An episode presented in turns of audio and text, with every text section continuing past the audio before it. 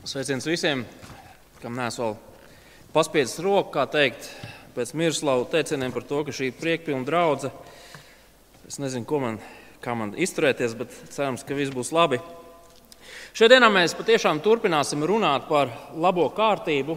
Mirslavs jau teica, kaut ko, kas ir saistīts ar cilvēka radīšanu, cilvēka mērķi šeit uz šīs zemes. Tādēļ es aicinu, ka mēs varētu vērt vaļā pirmo Bībeles grāmatu, pirmo mūzes grāmatu, un mēs lasīsim no otrās nodaļas, sākot ar 18. pāntu. Otrā nodaļa, 18. līdz 25. pāns.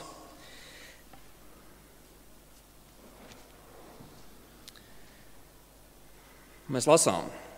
Un kungs Dievs teica, nav labi būt cilvēkam vienam. Es darīšu viņam palīdzību, kas būs tam līdzās.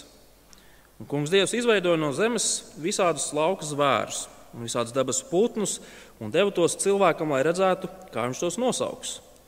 Kā cilvēks nosauca dzīvās būtnes, tāds bija to vārds. Un cilvēks deva vārdus visiem lopiem un debesu putniem un visiem lauka zvēriem, bet nebija cilvēkam palīga, kas būtu tam līdzās. Tad kungs Dievs lika, lai dziļš miegs krīt pār cilvēku, un tas iemiga. Tad viņš ņēma vienu viņa ribu un to vietu aizdarīja ar miesu. Un no ribas ko viņš bija ņēmis no cilvēka, kungs Dievs darināja sievieti un viņu, atveda viņu pie cilvēka. Cilvēks teica, šī ir kauls no mana kaula un miesa no manas miesas. Tāpēc, lai to sauc par sievu, jo no vīra tā ņemta. Tāpēc vīrs pametīs savu tēvu un māti un pieķersies savai sievai, un viņi būs viena miesa. Un viņi abi bija kaili, vīrs un viņa sieva, bet nekaunējās. Tas ir kunga vārds. Lūksim, lai Dievs mums palīdz šo daudziem tik zināmo raksturvietu no jauna saprast. Visi dievi iedvestie raksti ir noderīgi mācībai, grēka atmaskošanai, labošanai, audzināšanai taisnīgumā, lai Dieva cilvēks kļūtu pilnīgs un būtu sagatavots ikvienam labam darbam.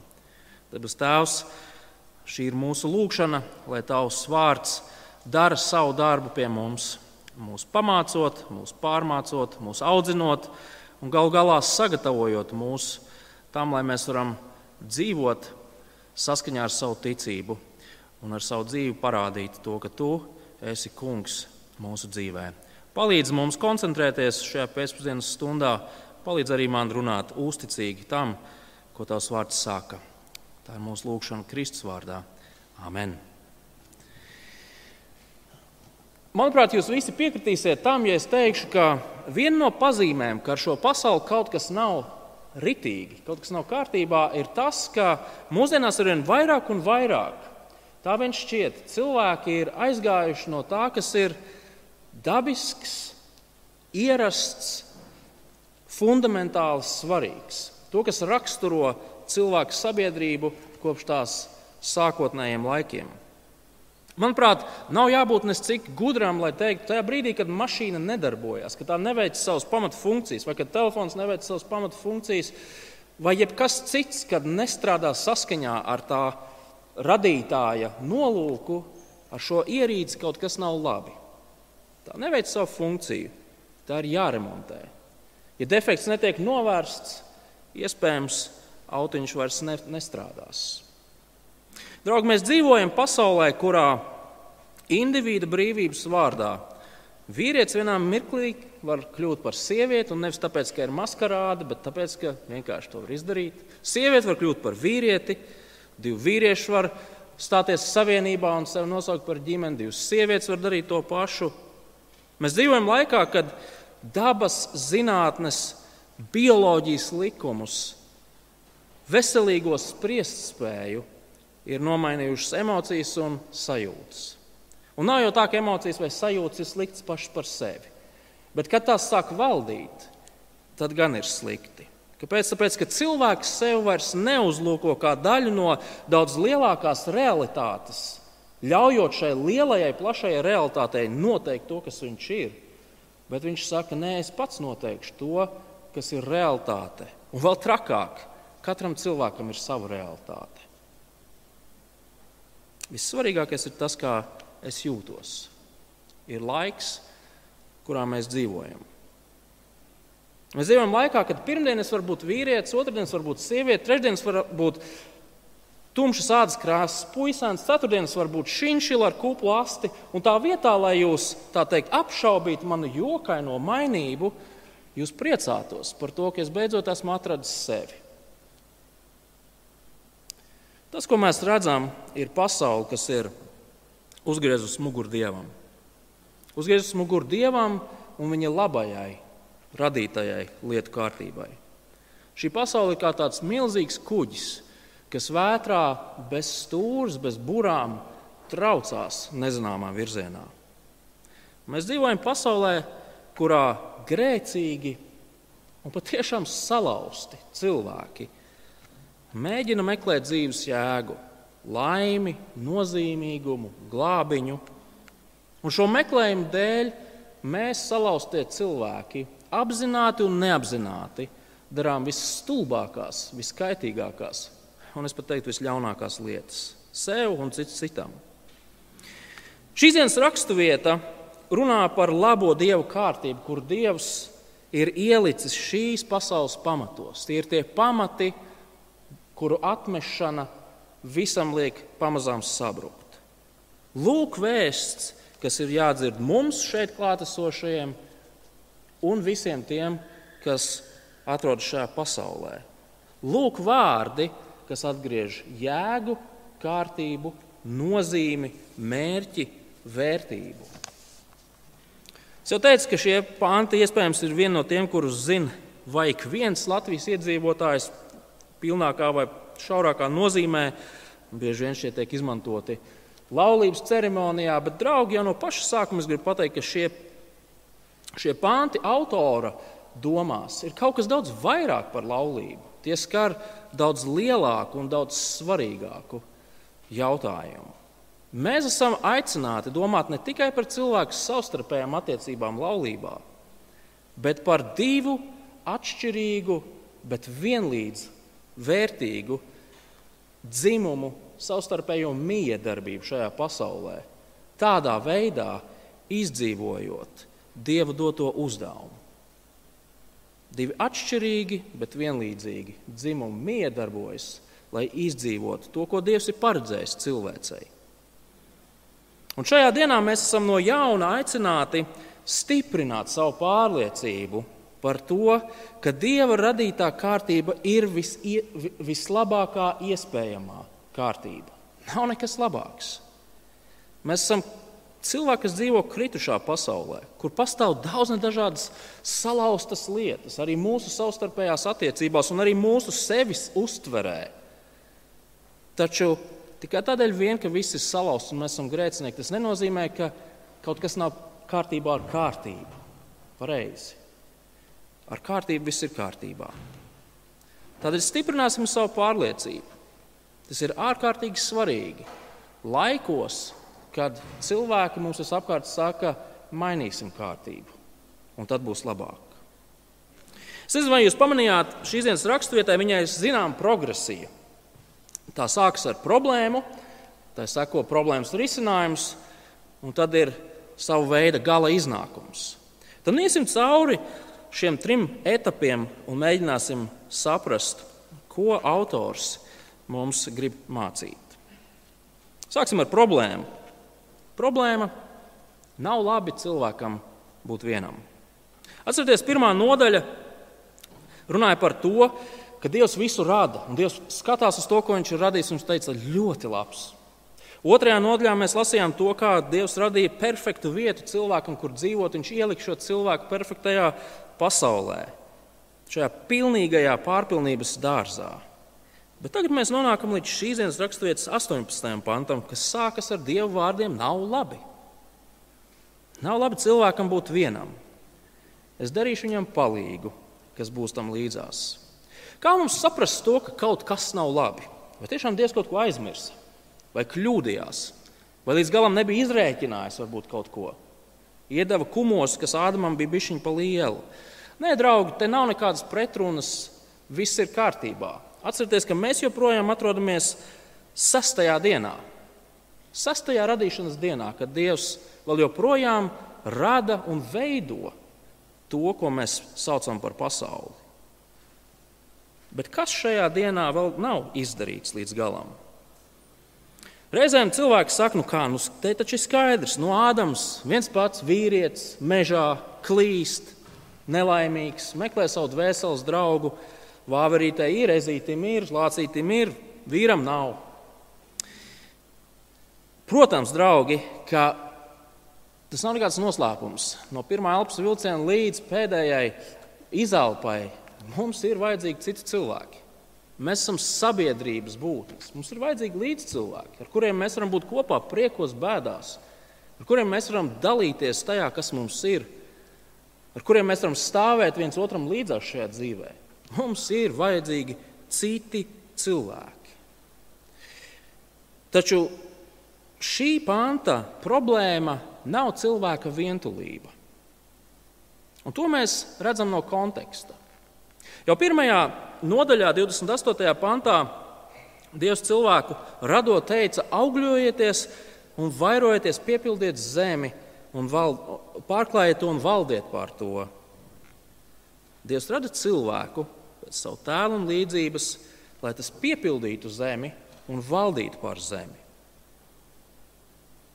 Otrās nodaļas 15. pantā kungs ņēma cilvēku un iemetināja viņu ēdienas dārzā, lai viņš sargā un apstrādā to.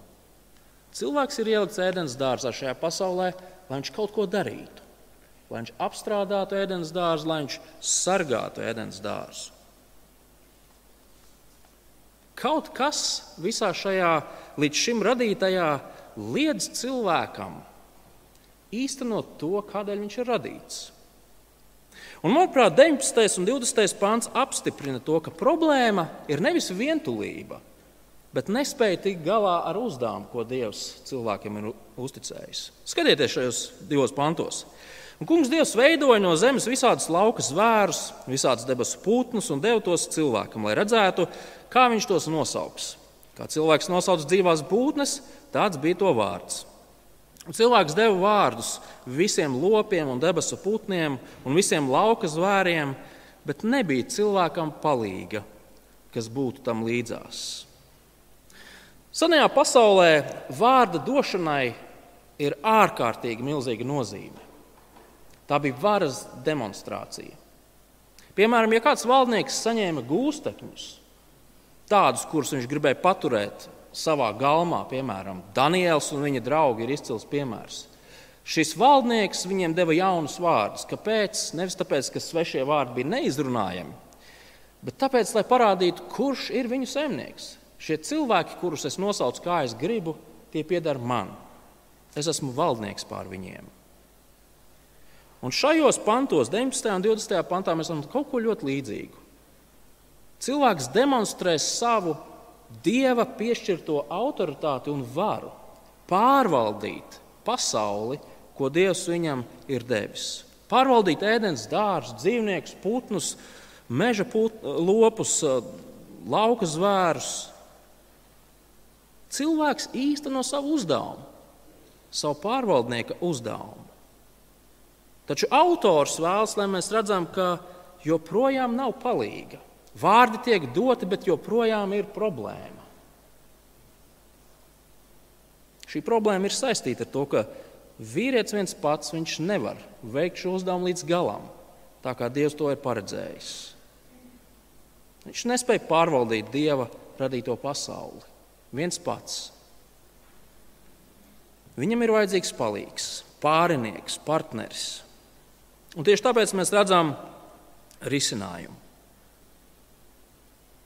Izlasīsim no 21. līdz 23. pantam. Tad kungs Dievs lika, lai dziļš miegs krīt pār cilvēku, un tas iemiga. Tad viņš ņēma no vienu viņa ribu un to vietu aizdarīja ar miesu. Un no ribas, ko viņš bija ņēmis no cilvēka, kungs Dievs darinājis sievieti un atveda viņu pie cilvēka. Un cilvēks teica, šī ir kauls no mana kaula un miesa no manas miesas. Tāpēc to sauc par sievu, jo tā no vīra ņemta. Nenosodiet mani bargi, bet es to esmu darījis. Es esmu mēģinājis saskaitīt, vai man ir nepārskaitās ribas. Jaunieši, jūs mājās to noteikti izmēģiniet. Pēc tam man pasakiet, vai jums ir pār vai nepārskaits ribu. Es pieņemu, ka vēl viens otrs šeit jau to ir darījis un mēģinājis saprast, vai šis pāns ir, ir atbilst zinātnē vai nē.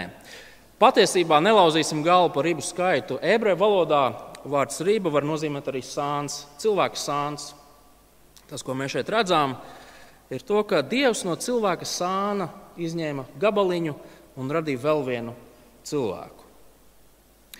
Un šajos divos negarajos pantos, trijos pantos, mēs redzam trīs, vismaz trīs ļoti svarīgus principus. Pirmkārt, mēs redzam to, ka ir tikai divi dzimumi - vīrietis un sieviete. Ebreju valodā īš ir vīrietis, išā ir sieviete. Vīrietis, sieviete. Tas ir ārkārtīgi acīm redzams, pareizi. Taču ne visiem cilvēkiem mūsdienās tā liekas. Otrakārt, mēs redzam to, ka vīrietis un sieviete ir absolūti vienlīdzīgi. Vīrietis un sieviete abi divi atšķirās no pārējiem dzīvniekiem. No visa pārējā, ko Dievs radīja, vīrietis un sieviete atšķirās. Viens nav mazāk svarīgs par otru. Frāze kauls no mana kaula, miesa no manas miesas nozīmē tas cilvēks, kas man tagad ir līdzās, viņš ir pēc savas dabas tieši tāds pats kā es. Ne labāks, ne sliktāks, ne mazāk vērtīgāks. Sieviete un vīrietis ir identiski savā, savā dabā, savā vērtībā. Abi ir radīti no viena un tā paša materiāla. Cilvēks ir vērtīgs pats par sevi. Nevis tāpēc, ka viņš ir vīrietis vai sieviete. Abi dzimumi ir dieva radīti. Tie abi ir labi. Tie ir abi vienlīdzīgi Dievu priekšā. Un tādēļ mums, kā kristiešiem, būtu jāiestājas pret jebkuru mēģinājumu nonicināt to, ka sievietes ir sliktas vai vīrieši ir slikti, un lūk, pieci iemesli. Tu esi vīrietis, pateicies Dievam par to, ka tu esi vīrietis. Tu esi sieviete, pateicies Dievam par to, ka tu esi tik vērtīga Dievam radīta. Abi dzimumi ir pilnīgi vienlīdzīgi, vienlīdz vērtīgi Dieva acīs. Un treškārt, vīrietis un sieviete ir radīti atšķirīgi. Jā, vienlīdzīgi, taču atšķirīgi. Dievs neradīja Ādamu un Ivo vai Ievu un Adeli. Dievs radīja Ādamu un Ievu, vīrieti un sievieti. Tieši sievietes atšķirīgums no vīrieša viņu padara par atbilstošo palīgu pārinieku, kas cilvēkam var palīdzēt veikt dievu uzticam, uzticēto uzdevumu. Vīrietis un sieviete atšķirās viens no otra. Pēc tā, kā viņi domā, pēc tā, kā viņi izskatās, pēc tā, kā viņi rīkojās, pēc tā, cik viņi ir spēcīgi, pēc tā, kā viņi risina problēmas, kā viņi ēd un viss pārējais. Milzīgas atšķirības. Un tas ir lieliski. Dievs to tā no sākuma bija iecerējis. Mēs esam atšķirīgi, un tas ir labi. Atšķirīgais nav jāsauc par muļķīgu, vai lieku, vai nevajadzīgu. Nē, paldies Dievam par to, ka mēs esam tik atšķirīgi. Mēs varam redzēt vīrišķīgus sievietes un sievišķīgus vīriešus. Arī tas ir normāli. Taču nav pareizi, ja vīrietis saka, es varu būt kā sieviete, vai sieviete saka, es varu būt kā vīrietis. Dzīvojot šajā salauztajā pasaulē, mēs skaidri apzināmies, ka ir brīži, kad mēs kaut ko sevī negribam pieņemt pareizi. Kaut kas mūsos mums nepatīk, traucē. Ir brīži, kad cilvēki sevi vispār negrib pieņemt. Viņi grib būt pilnīgi kaut kas cits. Tā ir realitāte. Tā ir daļa no dzīves šajā salauztajā pasaulē. Un pasaule šādiem cilvēkiem saka, Mēs tev palīdzēsim būt par to, kas tu gribi būt. Mēs tev palīdzēsim. Taču mēs, kristieši, zinām, ka tas nav nekāds risinājums. Aiziešana prom no Dieva radītās kārtības vai viņa labuma apšaubīšana radīšanā, tā nekad nevar būt labs risinājums. Protams, ka nav viegli. Protams, ka ir grūti sevi pieņemt, ja galīgi tā neliekās. Taču šīs raksturvietas nozīme ir tāda, ka tā ir vienīgā cerība Cilvēks ir vērtīgs pats par sevi. Neatkarīgi no sava dzimuma, no savām spējām, no sava ārējā izskata, no saviem sasniegumiem, no savām sajūtām. Ja tu esi, tu esi vērtīgs, tāpēc ka Dievs tevi tādu radījis. Dievs ir radījis vīrieti un sievieti vienlīdzīgus, bet atšķirīgus cilvēkus, dzimumus, lai tie kopā darbotos Dieva radītajā pasaulē, lai tie kopā pārvaldītu to, ko Dievs ir radījis, cits citu papildinot. Vīrietis un sieviete ir kā komanda, spējīgi būt par Dieva pārstāvjiem šajā pasaulē, darot to, kas viņiem ir jādara, visai radībai norādot uz kungu radītāju. Dievs gribēja, lai šo pasauli apdzīvo vīrieši un sievietes, kas strādājot plecu pie pleca, vienlīdzīgi, bet tik atšķirīgi, kalpot viņam, pārstāvēt viņu, rūpētos par pasauli viņa vārdā. Tad šī raksturvieta iet vienu solīt tālāk. Un šī raksturvieta noslēdzas ar, ar pāris pantiem, kuros ir, kuros, um, ir aprakstīts kādas īpašas attiecības. Brīdī, kad šie atšķirīgie sastopās, iznākums var būt laulība. Skatieties, 24. un 25. pants. Tāpēc vīrs pametīs savu tēvu un māti un pieķersies savai sievai. Un viņi būs viena miesa, un viņi abi bija kaili, vīrs un viņa sieva, bet nekaunējās. Es uzreiz gribu pateikt to, ka, ka laulība nav cilvēka dzīves lielākais sasniegums. Laulība nav mērķis, kura nesasniegšana mūsu dzīvi īstenībā padara par bezjēdzīgu nodzīvotu. Laulība cilvēku nepadara vērtīgāku vai pilnīgāku, taču, protams, laulības attiecības ir laba dieva dāvana, ko Dievs ir paredzējis cilvēkam. Ir daudz labumi no tā, ka cilvēki var stāties laulībā. Taču laulība pati par sevi mūsu vērtībai nepieliek ne tik, cik melns aiz naga. Bet kas vispār ir laulība saskaņā ar Dieva labo kārtību? Šeit mēs redzam pāris svarīgas lietas, pavisam ātri. Pirmkārt, mēs redzam, ka vīrs atstās savu tēvu un mātu un izveidos jaunu ģimeni. Šī savienība ir visu, visa ciema publiski atzīta savienība. Visiem ir skaidrs, ka šo divu cilvēku starpā ir kaut kas īpašs tās, tās atšķirības ir tik īpašas, ka tās atšķirās no tēva un dēla atšķirībām vai divu brāļu atšķirībām. Visi publiski zina, ka šie divi ir uzticīgi viens otram. Otrkārt, mēs redzam to, ka vīrs pieķersies sievai, burtiski pielips sievai. Tā kā ar superlīmu salipināt divus pirkstus, es jau katru reizi to pieminu, ka es to esmu izdarījis. Jā. Nesaraujama, ekskluzīva savienība starp diviem, vienu vīrieti un vienu sievieti. Visbeidzot, viņi būs viena miesa. Vīrs un sieva kļūs par vienu veselumu ikvienā lietā. Viņi dzīvos vienā adresē, viņi ēdīs pie viena galda, viņi gulēs vienā gultā, viņi brauks ar vienu mašīnu, vai iespējams divām, bet tas nav svarīgi. Viņi kļūst par vienu veselumu, it visā. Un viņu fiziskā savienība ir tas, kas šīs attiecības padara par unikālām šajā pasaulē. Līdz ar to mēs redzam, ka saskaņā ar Bībeli ar Dieva labo radīto kārtību. Laulība ir nešķirama, monogāma, fiziska savienība starp vienu vīrieti un vienu sievieti. Divu vīriešu savienība nav laulība, tā ir draudzība. Trīs sieviešu savienība nav laulība, tā ir draudzība. Bet kādā veidā tad laulība cilvēkiem palīdz īstenot Dieva uzticēto uzdevumu, par kuru mēs šajā dienā domājam. Un acīm redzama, viena no acīm redzamajām atbildēm ir tāda, ka laulība ir tā vieta, kur dzimst bērni. Pareizi. Dievs taču radot cilvēku, viņam pavēlēja, augļojieties, vairojieties, piepildiet visu zemi ar sev līdzīgajiem cilvēciņiem. Taču laulības attiecības ir svarīgas vēl kādā ziņā, ne tikai par bērniem.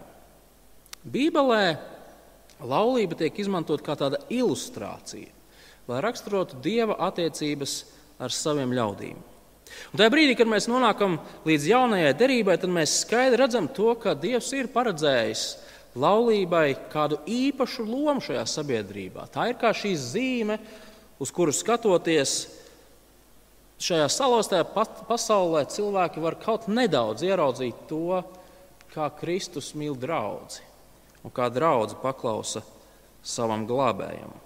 Vēstulē Efeziešiem 5. nodaļā, vēl vienā slavenā raksturvietā, ko izmanto kāzās, mēs lasām par to, kā, ka vīra un, un sievas attiecības tiek salīdzinātas ar attiecībām, kas valda starp Kristu un draugu. Vīriem ir pašaizliedzīgi jāmīl savas sievas, tām palīdzot pieaugt garīgi, caur vārdu mācīšanu, tieši tāpat kā Kristus deva savu dzīvību, lai izglābtu savu līgavu. Sievām tāpat kā draudzēji ir jāpakļaujas un jāpaklausa sava pašaizliedzīgā vīra centienos. Un tad Efeziešu vēstules 5. nodaļas 31. pantā Pāvils atsaucas uz šīs dienas raksturvietu. Klausieties, ko viņš saka. Tādēļ cilvēks atstās savu tēvu un mātu un pieķersies savai sievai, un tie divi būs viena miesa. Šis noslēpums ir liels. Te es runāju par Kristu un draugu. Tad, kad Dievs ēdienas dārzā radīja laulību starp vīrieti un sievieti, viņa nodoms bija daudz lielāks par, par to, lai cilvēki nebūtu vientuļi vai lai viņiem būtu bērni. Pa vidu visam citam laulībai ir jākalpo par visiem redzamu zīmi tam, kādas ir Dieva attiecības ar viņu ļaudīm. Dievs mīl savu draugu, viņš tās labā ir devis savu visdārgāko. Viņš gādā par to, lai draudzene augtu Lai cik nepilnīgas arī nebūtu tās mūsu laulības, kuras šeit ir pārstāvētas, tas ir tas, uz ko mums ir jābūt gataviem. Rādīt to, kā Dievs mīl savu draugu un kā draugs atsaucas savam radītājam. Mūsdienās laulība ir kritusi ļaužu nežēlībā. Taču mums ir jāiestājas par to, kāda ir laulības definīcija pašos pamatos. Mēs nevaram pieļaut to, ka tā tiek paplašināta, mainīta, atcelta. Jo tādā gadījumā mēs aizējām prom no pamatiem. Atcerieties, tur, kur nav pamati, tur ar laiku viss sabrūk. Kāds varētu teikt, Mārtiņ, vai tas nozīmē to, ka cilvēks savu dievu doto uzdevumu var piepildīt tikai un vienīgi tad, kad viņš ir laulības attiecībās. Kā ir ar neprecētajiem? Kā ar tiem, kas vairs nav precēti, kur ir atrāķi vai kur ir šķīrušies? Kā ar viņiem? Draugi, tas ir ļoti svarīgs jautājums. Tas ir sensitīvs jautājums. Par šo jautājumu ir jārunā. Bet šajā pēcpusdienā es gribu minēt tikai vienu svarīgu lietu šajā sakarā. Lai gan laulības ir unikālas attiecības. Laulība ir kā zīme, kas ir svarīga un neatkārtojama, unikāla zīme. Cilvēkam nav jāstājas laulībā, lai viņš varētu dzīvot pilnvērtīgu dzīvi. Vēl vairāk, lai viņš varētu ar savu būtību pārstāvēt Dievu un veikt Dievu uzticētu uzdevumu. Mūsu kungs Jēzus Kristus nebija precējies Pāvils nebija precējies. Daudzi citi cilvēki, vīrieši un sievietes vēstures gaitā, viņi nebija precējušies, bet kādus darbus viņi darīja. Jaunā derība runā par draugu, kā par to vietu, kur kristieši īsteno Dievu doto aicinājumu, Dievu doto uzdevumu. Jēzus pēc savas augšām celšanās, viņš saviem mācekļiem lika doties pa visu pasauli, pa visām zemēm un piepildīt ikvienu pasaules nostūri ar jauniem kristiešiem, ar mācekļiem, ar cilvēkiem, kas tic un seko kungam Jēzum. Lūk, lūk, ko Dievs vēlas. Dievs vēlas, lai šajā pasaulē joprojām cilvēki norādītu uz viņu. Un mēs to darām tad, kad mēs sludinām evaņģēlīju. Kad cilvēki tiek izglābti, kad cilvēki slavē Dievu, kad cilvēki norāda uz Dieva varenajiem darbiem visā plašajā pasaulē. Un to pašu atbalstu arī Pāvils vēstulē kor korintiešiem, ko mēs esam studējuši 7. nodaļā. Viņš teica, cilvēki, jums ir brīvība. Preceties, nepreceties. Viss ir kārtībā, bet atcerieties, ka jūs piedarat kungam. Tas ir pats svarīgākais. Un, lai kāda arī jūs nebūtu, precēti, neprecēti, pats svarīgākais ir tas, ka jūs turpiniet kalpot kungam, liecinot par viņu apkārtējai pasaulē. Līdz ar to mums kā draudzēji ir jācīnās par to, lai šī būtu vieta, kur valda patiesa draudzība. Mums ir jācīnās par to, lai šeit plecu pie pleca būtu vīrieši un sievietes, kas visi kopā īsteno Dieva doto uzdevumu, kalpotu Dievam, gādāt par viņa patiesības izskanēšanu šajā pasaulē, strādāt un sargāt. Dieva vārdu. Kur gan vēl citur, ja ne dzīvā, varenā Dieva draudzē, cilvēki šajā salauztajā pasaulē varēs atrast patiesas attiecības, patiesu draudzību, patiesu atbalstu. Pasaulē tiek uzsvērts, ka cilvēka identitāti veido viņa dzimums, viņa orientācija, viņa ģimene, viņa bērni, viņa sasniegumi, viņa panākumi, vispārējais. Un tas neizbēgami cilvēks saliek kastītēs. Mēs visi esam sabiruši kastītēs atkarībā no tā, kādas bildes mēs liekam Facebook vai Instagram. Kastīšu pasaule ir ārkārtīgi vientuļa pasaule.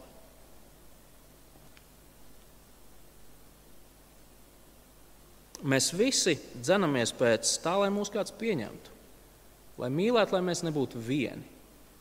Mēs gribam būt noderīgi, mēs gribam būt vērtīgi, mēs gribam, lai mēs rūpētu kādam, un mēs gribam rūpēties par citiem. Mēs šodien esam mācījušies no šīm pamatlietām, no šiem pamatpantiem, ka mūsu identitātes pamatā ir tas, ka mēs esam radīti. Ka Dievs mūs ir radījis. Tas ir visa pamatā. Viņš mūs ir radījis vīriešus, viņš mūs ir radījis sievietes. Un tikai pēc tam nāk tas, vai mēs esam precējušies, vai mēs neesam precējušies, vai mums ir bērni, vai mums nav bērni. Mēs esam radīti un tādēļ vērtīgi. Dieva acīs svarīgi. Nobeigumā, ko tas nozīmē? Ko mums no tā visa paņemt? Pirmkārt, tas nozīmē to, ka, ka, ka laikā, kad šajos jautājumos valda apjukums, haoss, bardaks, mēs varam stāvēt ar pārliecību. Mēs varam teikt, mēs zinām, kā visam ir jādarbojas. Mēs zinām, kur ir meklējama cilvēku vērtība un kur tā nav meklējama. Mēs zinām, kas ir pamati, kas šai sabiedrībai var ļaut stāvēt. Mēs zinām, kas cilvēkam piedod vērtību, mēs zinām, kas cilvēkam var dot piepildījumu. Mēs varam būt pārliecināti par to. Mēs neesam vecmodīgi, kā reizēm mūs sauc. Mēs neesam ierobežoti vai kaut kādi jokaiņi no viduslaikiem. Mēs neesam neiejūtīgi, kā reizēm mūs apsūdz. Mēs varam būt pārliecināti, ka mēs stāvam uz pareizās lietas, uz stingriem pamatiem. Otrakārt, mēs esam aicināti veidot kultūru. Tas, tas ir smags, grūts darbs, bet mēs esam aicināti veidot kultūru, kas atspoguļo šo ideālu. Dažne dažādi vīrieši un sievietes, jauni un veci, plecu pie pleca, dzīvo šo, šo dzīvi, cits par citu gādājot, cits par citu rūpējoties un strādājot pie tā, lai Dieva vārds, Dieva varenie darbi tiktu darīti zināmi tuvumā un tālumā, pārdaugavā un jēkapilī, Latvijā un visur citur pasaulē. Ja jūs paskatītos apkārt, cits uz citu, jūs redzētu cilvēkus, kurus Dievs savā gudrībā tieši šajā brīdī ir savedis kopā. Ar pateicību mācīsimies izmantot šo Dieva brīnišķīgo dāvanu, draugu, ko Dievs mums katram ir devis. Visbeidzot, treškārt, Mēs visi esam salauzti cilvēki. Mēs visi esam grēcinieki, kas vienā vai citā veidā, apzināti vai neapzināti, bet esam sacēlušies pret šo labo dievu kārtību. Mēs esam nicinājuši sevi un citus, mēs esam sacēlušies pret dievu, mēs esam radījuši bēdas un ciešanas savā dzīvē, citu cilvēku dzīvēm. Mēs esam salauzuši attiecības, mēs esam piedzīvojuši salauztas attiecības. Iziesim ārā uz ielas, mēs redzēsim tieši tādus pašus cilvēkus kā mūsu. Salauztus cilvēkus, kas meklē jēgu, nozīmi, cerību, drošību, vērtību. Un patiesi, mēs esam lieli grēcinieki, bet, draugi, Dieva žēlstība ir daudz lielāka. Klausieties, ko Pāvils ir teicis pirmajā vēstulē korintiešiem, 6. nodaļā, no 9. līdz 11. pantam. Šeit šādus vārdus: Vai jūs nezināt, ka netaisnie neiemantos Dieva valstību? Nemaldiniet sevi, nec izvirtuļi, nec zelku kalpi, nec laulības apgānītāji, nec baudu kārie, nec vīriešu piegulētāji, nec zagļi, nec alkatīgie, nec dzērāji, nec rupjību runātāji, nec laupītāji Dieva valstību neiemantos. Daži no jums tādi ir bijuši, bet jūs tikāt nomazgāti, tikāt svētīti, tikāt attaisnoti mūsu Kunga Jēzus Kristus vārdā un mūsu Dieva garā. Daži no mums tādi ir bijuši, bet mēs tikām nomazgāti, mēs tikām svētīti. Mēs tikām attaisnoti mūsu Kunga Jēzus Kristus vārdā un mūsu Dieva garā.